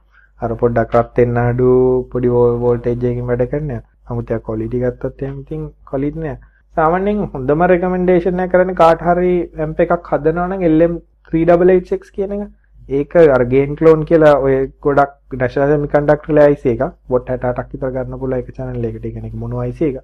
ඒ LM ඔය ගේන් ක්ලෝන් කියලා සර්ච් කරා නම් ගොඩක් වෙලාට හොයාගන්න පුළුවන් මේ ගේන් ක්ලෝන් එනවා ෆේමස් ඒ කියන්නේ සාමාන්‍යයෙන් ඔඩියෝ ෆයිල් ලෙවල් එකටම ඒ චිප්ස් පාවිච්චි කරනවා. ඒ කියන්නේ එන්න හයි එන්ඩ් ඒ කියන්නේ ඩොලර් 20000 30000 වගේ යන රේන්ජ් එකේ ඇම්ප්ලිෆයර්ස් එහෙම තියෙනවා. ඒවත් ඔය මේ LM 3886 ඒ කියන්නේ රේන්ජ් එකේ තියෙන ICs පාවිච්චි කරනවා.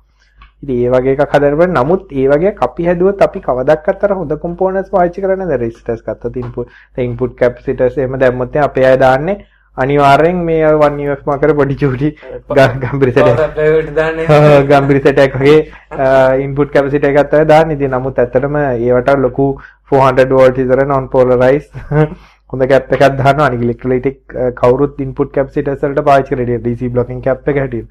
පාවිච්චි කරන්නේ. ඔය ටිකක් හොඳ ඇම්ප්ලිෆයර් ලෙවල් එකට එනකොට DC බ්ලොකින් කැප් එකක් අවශ්‍ය නැහැ. මොකද මේ දවස්වල මම ඔය ඩැක් එකක් හදනවා. ඒ ඩැක් එකට DC බ්ලොකින් කැප් එකක් අවශ්‍ය වෙනවා. එතකොට ෆ්‍රීකවන්සි අඩුපාඩු වෙනවා. ඒ වගේ දේවල්. අනිත් එක ඇම්ප්ලිෆයර්ස් හදන්න ගියත් හොයන්නේ කට්ටිය මේ ස්ටීරියෝ මනේ හොයන්නේ. සර්කිට් ටක් ගාලා ඔව්. මේ ඒ කියන්නේ ඔව්, අර ලේසි. ICම channel දෙක දෙක තියෙනවා ඊට ලේසි අර හොඳ මොන දෙයක් මොනෝ දෙයක් හොයන්න පුළුවන්, ඒ ඔය දෙකක් හදාගන්න පුළුවන්. LM388 මම මේ ළඟදී මේ පොඩ්ඩක් ඔය LM388 දෙයක් ගෙනා. දැන් ඔය මට මේ වෙන පොඩි වැඩක් මේ අපේ වයිෆ්ට පොඩි එදස්සල පොඩි ප්‍රොජෙක්ට් එකක් යනවා. ඒක කරන්න ඕනේ නේද? ඒක IC එක ගත්තොත් එහෙම වෙන සා- මේකට හැබැයි ලොකු ගාණක් යනවන්නේ ගැවැඩේ ඒ කියන්නේ මේ 388 එක හදන්න එක channel එක රුපියල් 3000ක් වගේ කියනවා ඒ කියන්නේ එක channel එකක් හදන්න ඒ වුණාට ඒ කියන්නේ මේ මේ මේවත් අර හොර chip තියෙනවා. ඒක නිසා මේ හොර chip හලලා chip ගන්නවා ගත්තොත් එහෙම මෙන්න මේ වගේ පොඩි IC එක හිතන්නත් තමයි ඩොලර් 20000 ඇම්පලක් වෙනවා කියලා ඉතින් ඒක වෙලා තියෙන අර කොම්පෝනන්ට් පාවිච්චි කරනවා පවර් සප්ලයි කොච්චර හොඳ දැන් මම මේ ඩැක් එකක් හදලා තියෙනවා ඒකේ භාගය භාගයක් තියෙන පවර් සප්ලයි එක. ඒ කියන්නේ ඔය ඔඩියෝ වලට ගොඩක් මේ මෙයා වෙන එකක් තමයි ඔය පවර් සප්ලයි කියන්නේ. පවර් සප්ලයි එක හොඳට හරියට නැත්තම් එහෙම මේ ඔඩියෝ ක්වොලිටි ගොඩාක් වෙලාට අවුල් වෙනවා. මොකද ගොඩාක්ම නොයිස් වගේ දේවල් වෙන්නේ පවර් සප්ලයි එකෙන් බේස් අඩු වෙන්නේ ගොඩක් වෙලාට පවර් සප්ලයි හරියට ඇම්පියර් ඒජ් එකක් වෝල්ටේජ් එකක් නැති වුනහම ඒ වගේ ප්‍රශ්න නිසා තමයි ඉතින් ඇම්ප් හදනවා කියන එක අර පොඩ්ඩක් අර මුලින්ම තියරි ඉගෙනගෙන මොකද්ද මේ ඇම්ප්ලිෆයර් කියන්නේ කියලා ඉගෙනගෙන ඒ වගේ කරන ඒවා තමයි හොඳ දැන් හදන්න මාස නම් ওই පාස් ලැබ් කියලා තියෙනවා මේ DIY DIY audio මේ ඒ ෆෝරම් වලට ගිහිල්ලා මේ ටෙක් කතාවල් ෆෝරම් එකේ හැසිරෙන විදිහට හැසිරෙන්න එපා. පව් දහම් බෑන් කරලා දානවා. මේ DIYaudio.com කියලා සයිට් එකක් තියෙනවා මේ ඒ වගේ සයිට් වලට ගියාම සර්කිට් ඇම්ප්ලිෆයර් හදන අය නම් ඒවා කමියුනිටි තියෙනවා ගොඩක් ඇම්ප්ලිෆයර් හදන්න. ඉතින් ඒවා වෙලා තියෙන ඇම්ප්ලිෆයර් එකක් හදන්නම ඩොලර් 500 600ක් විතර කොස්ට් වෙනවා. ඊට මීට හොඳයි. ඉතින් ඔය පොඩි ඇම්ප් එකක් ගන්න ඔය ඉතින් මොකද ඔය කොච්චර ඇම්ප්ලිෆයර් හදුවත් වැඩක් නැහැ. හොඳ පිටකොටේ බෆල් සෙට් එකක් ගන්න තියෙන්නේ. ඉතින් ඒ වගේ ප්‍රශ්න තියෙනවා. ම්ම්, මොකද බුද්ධික දන්නේ නැති මේ ළඟදී මට වෙච්ච දැන් නේ අර Sony ස්පීකර් දෙකක් ගෙනලා අපි දෙන්නට හිතාගන්න බැරුණා ස්පීකර් දෙකේ එච්චර quality කියලා. ඉතින් ඒ වගේ තියෙනවා. ඔඩියෝ ගැනත් මොන හරි කරන්න හිතගෙන මම පොරොන්දු දෙන්න එක ඒවා කරනවා කියලා කරන්න තියෙන. ඔව් අනේ අම්මේ. ඒක දසුන් තාම මතක්. ඔව්. මේ තව ප්‍රශ්නයක් තියෙනවා නේද? ඔව්. ආඩිනෝ වලින් කරපු ප්‍රොජෙක්ට් එකක් මේ කෝඩ් ප්‍රොටෙක්ට් කරන්න පුළුවන්ද කියලා අහනවා. Reverse engineering කරන්න බැරි වෙන්නේ. Arduino එකේ බෑ. Arduino එක ඕනනම් ඉතින් ගහලා මේ කොපි කරගන්න. ඔව්. ඒක අර වැඩියෙන් දැන් අර දැන් අපි ලියන කෝඩ් එක. තියෙනවනේ. ඒකටම ගන්න බෑ. ඔව්. මොකද අර බයිනරි එක dump කරන්න. බයිනරි ඒක ගත්තට පස්සේ ඒක ඉතින් තව chip එකට ඕන නම් burn කර හැකියි. ඔව්. ඒ කියන්නේ fuses ටිකයි ටික බලාගත්තා. පුළුවන් අනිත් එක අර දැන් assembly instruction ටික වගේ බලාගෙන කරන්න පුළුවන්. බලලා ඉතින් හොඳට අන්තිමට පුළුවන්. ඊට එහාට ඉතින් ප්‍රොටෙක්ට් කරන්න. මම නිකන් පොඩි උපදේශයක් දෙන්න ඔය සර්කිට් එකක් හදනකොට වගේ දෙයක් කරනකොට ඉතින් හම්, කාටවත් කොපි කරන්න පුළුවන් අරවා මේවා කියලා මහන්සි වෙන්න එපා. මොකද මේ ලෝකේ තියෙන ඕනම දෙයක් කොපි කර. දැන් උදාහරණයක් ගත්තොත් මම හිතන්නේ කොපි කරන්න බැරි ඉක්විප්මන්ට් එකක් නැහැ දැනටනේ Windows ගත්තොත් කොපි කරගෙන Microsoft දැන් අවුරුදු එකම මේක තමයි දැන්. ඔතන ඕකට රන්න වෙන්න නම් ආඩිනෝ එකට තේරෙන විදිහට ඉන්ස්ට්‍රක්ෂන් දෙන්න බෑ. දෙන්න බෑ. ඉතින් අනිවාර්යෙන් ඊට වඩා අපිට ඕක අවුල් කරන්න බෑනේ. ඉතින් ආඩිනෝ එකට ඉන්ස්ට්‍රක්ෂන් දෙන විදිය අපි කරන්න මේ මේක තව එතකොට අර දෙන ඉන්ස්ට්‍රක්ෂන් ටික ඒගොල්ලන්ට කියව ගන්න පුළුවන්. ආ ඒක නිසා ඉතින් එච්චරම මේ මහන්සි නව CD කොපි කරන්න බැරි වෙන්න හදන්නේ කොහොමද? ඔය වගේ. මට එච්චර මහන්සි වෙන්න එපා ටෙක යන කතාව US වලින් LED TV එකක් NTF විතර සපෝට් කරන්න. පැල් 20 කන්වර්ටර් පාවිච්චි කරන්න පුළුවන් වෝල්ටේජ් වෙනස කන්වර්ටර් එකක් යූස් ඒක වැඩියෙන් යූස් කරනවා ඔව් ඉතින් 110 220 110 අඩු කරන ට්‍රාන්ස්ෆර් පාවිච්චි කරලා ට්‍රාන්ස්ෆෝමර් ලොස් එකට වැඩිපුර විදුලියක් යම්කිසි වෙනවා ඊළඟට තමයි ලංකායි channel බලන්න අවශ්‍යද කියන ප්‍රශ්නේ. මොකද ඩයලොග් වගේ එකක් ගත්තා නම් ගොඩක් ඒවා මේ දැන් මල්ටි channel වැඩ කරන හැබැයි ඉතින් ඒ රිස්ක් එක අරගෙන සමහරලාට කස්ටමර් US ගන්න සමහරව දින ගන්න බෑ. ඔව් ඒක තමයි තියෙන්නේ. ඒක නිසා ඒ රිස්ක් එක ඉතින් ගන්න බෑ. නමුත් ඔය TV බලන්න ඕන ඩයලොග් එකක් හරි PO TV එකක් හරි ගත්තොත් මම දන්න තරමින් ඒ වෙනනම් අවුට්පුට් එක NTFS NTSC ද පැල්ද කියලා සිලෙක්ට් කරන්න පුළුවන්. ඒක නිසා ප්‍රශ්න නැහැ. අනික කොහොමත් ඔය TV ඔක්කොම ගොඩාක් වෙලාට 90ක් ටියුනර් එක පැල්ලුණාට ඉතුරු ටික මල්ටි සිස්ටම් විදියට තියෙන. ඒ කියන්නේ HDMI වගේ එකක් ගැහුවොත් පැල්ලුණත් NTFS උනා 99 වෙලාට වැඩ කරනවා. මගේ දේ ලොකුම ප්‍රශ්නය US වලින් TV එකක් ගෙන්න ගන්න කියලා. එහෙම එච්චර ඒක බ්‍රෑන්ඩ් තියෙනවා. නිකන් තොරලා ගන්න. තොරලා තොරලා ගත්තා. ටකස් එකට views සෑහෙන තියෙනවා. ආව් ටකස් එකට views ටකස් එකට අපි කතා කරමු. ඊට අඩුවෙන් ගන්නත් පුළුවන් වොරන්ටි එහෙම එච්චර අවශ්‍යතාවයක් නැත්නම් පිටකොටෙන් උනත් ඒගොල්ලෝ සප්ලයි කරනවා. කවුද මේ ස්ත්‍රී ප්‍රශ්නෙට පිළිතුරක් දෙන්න කියන්නේ ස්ත්‍රී ප්‍රශ්නේ මොකද්ද? ස්ත්‍රී ප්‍රශ්නයාගේ මගේ ස්ත්‍රී ප්‍රශ්නේ පිළිතුරක් දෙන්න කාලින්ගයි ප්ලීස්. මගේ ස්ත්‍රී ප්‍රශ්නෙට පිළිතුරක් දෙන්න. ඒක විතරයි තින්නේ. යකෝ මුගේ ස්ත්‍රී ප්‍රශ්නේ මොකක්ද යකෝ? මේ තව එකක් තියෙන ගානේ ප්‍රශ්නයක් කතා කරනවා.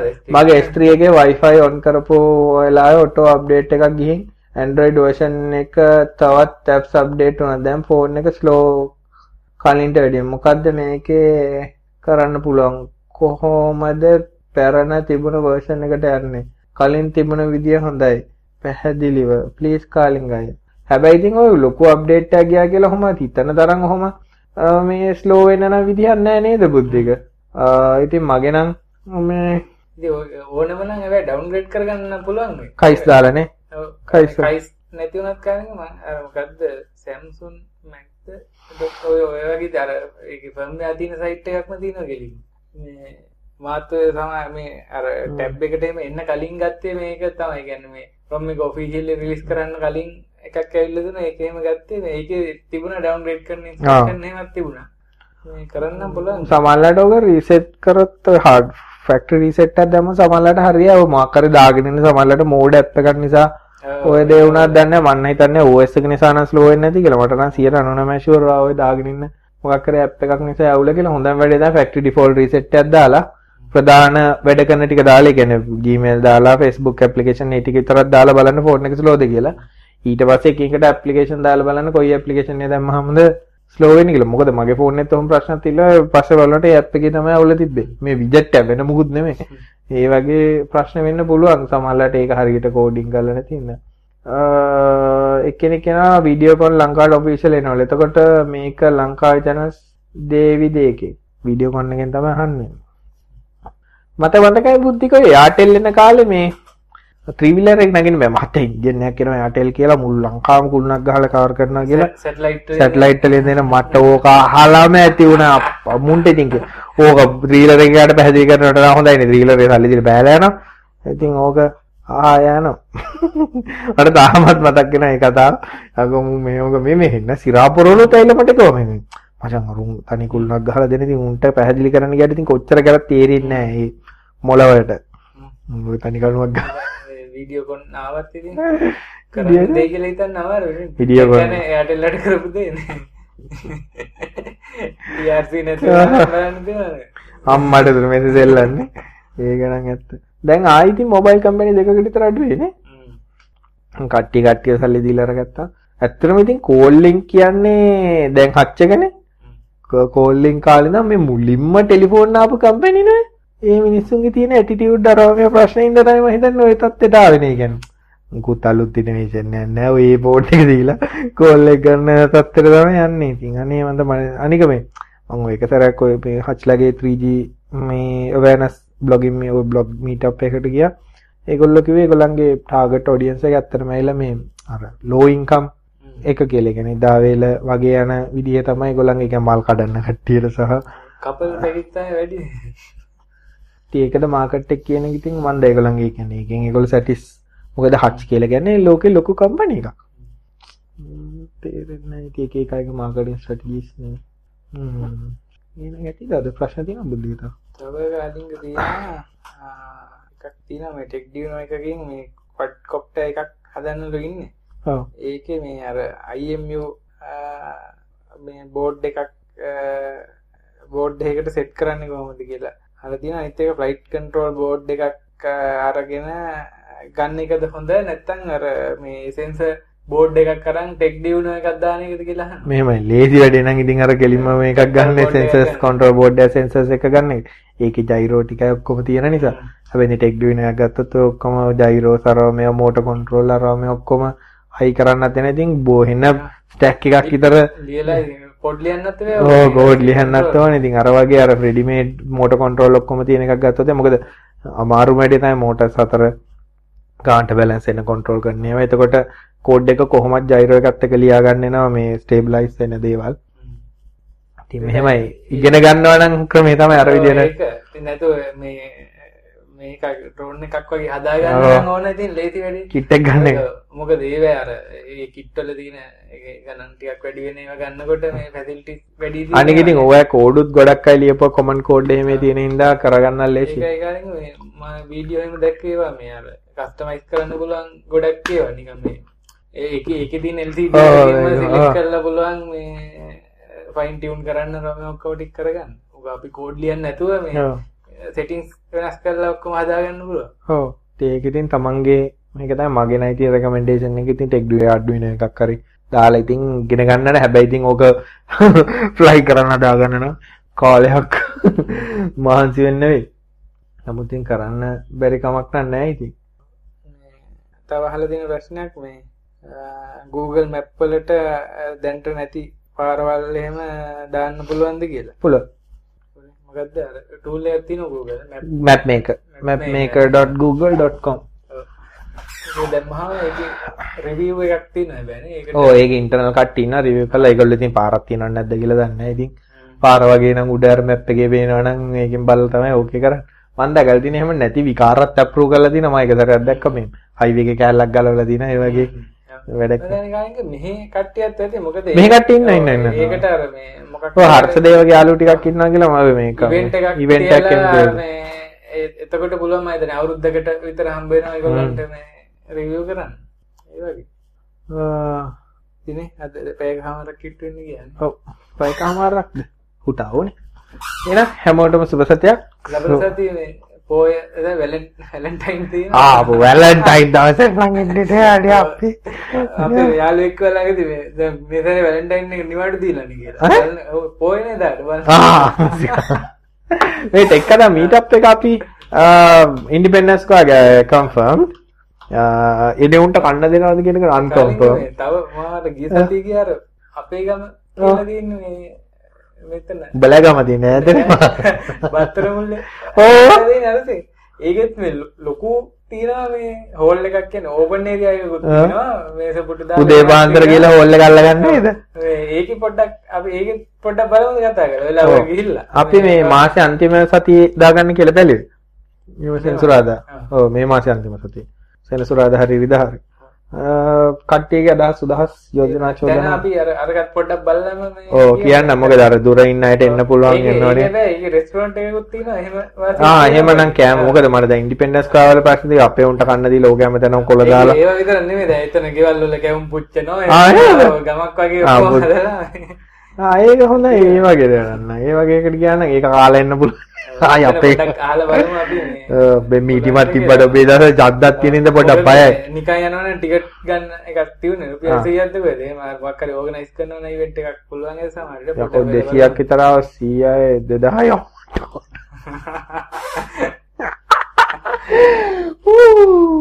මාර. ඒක හිතලා කාර් ගියොත් නම් එකම ප්‍රශ්නේ කැම දෙන්න පුළුවන්. අපේ උන් හැඩි කරනවනේ තැනකට ගියොත් ඒක කාලා විනාශයක් කරනවා.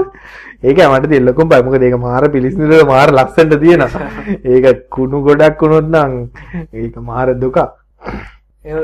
ගාල් අපිට අස් කරන්න ඕ මොකද ඇවිල්ලා අරන් යර වෑන්න ඇවිල්ලා මුන් ඇවිල්ලා ගහලා ගියාගේ. ගාල්ලේ අම ගාල්ලේ තෙකසරක් අපි හම්බුවේ මොකද ගාල්ලේ කොටුව පැත්තට ඇවිල්ලා නිකන් කට්ටියට එන්න කියලා නිකන් සෙට් එක ඉතින් ඊට අමතරව ඉතින් ගාල්ලේ ඉවෙන්ට් එකක් ඕගනයිස් කරන්න නම් අපිට හැකියාවක් නැහැ ඉතින්. මේ හයිවේ එකේ දෙමින් ගාල්ලට එන්න පුළුවන්. ඒ වුණාට අමාරුයි ටිකක් මේවා කරන්න. ඒක තමයි ප්‍රශ්නේ තියෙන්නේ. ගාල්ලේ කට්ටිය ඉතින් කොළඹ එන එකත් හොඳයි නේ ටිකනේ කොළඹ එල්ල බලන්න යන්නේ ගාල්ලට කොළඹ. එල්ල බලන්න කොළඹක් තියෙනවා දැන් හොඳ ලස්සනට පාරවල්. ඒක එහෙම කරෝනේ අපි අප්ඩේට් දෙන්න. හ්ම් එහෙනම් ලබන සතියේ නැති වෙන්නේ. ඒ කියන්නේ ඔය කියන විදිහට. ඔබ වැලන්ටයින් වලට කට්ටිය ගිහිල්ලා ඉලත් මහන්සිය තියෙන අම්මා උදේ තියන්න හවදන්න අමාරුවේ කට්ටියට. මේ එහෙමනම් ප්‍රශ්න තියෙනවා නම් සබ්මිට් කරන්න පුළුවන්. අර අසන්න කියලා උඩ තියෙන ටෙක් සයිට් එකේ අපෙන් අහන්න කියලා ඒක පුරවලවන්න පුළුවන්. නැත්තම් ඊමේල් කරන්න පුළුවන්. ඊමේල් කරොත් ගොඩක් කරන්න ප්‍රශ්නේ අපි කතා කරන ගන්න නෑ. අපෙන් අහන්න කියන එක පුරවන එක තමයි හොඳම වැඩේ. නැත්තම් ගෲප් එකට දාන්න ඒත් කවන්නේ මොකද අපි ගෲප් එකකින් අර පොදු පොදු ප්‍රායෝගික අරගෙන කතා කරනවා. ඔව්. ඒත් හොඳයි. එහෙනම් හැමෝටම සුබ රාත්‍රියක්. සුබ සතියක් ටික හැපි වැලන්ටයින් ගෑල්ලාමට මොනාරි අරන් දෙන්නේ කොල්ලන්ට ප්‍රශ්නේ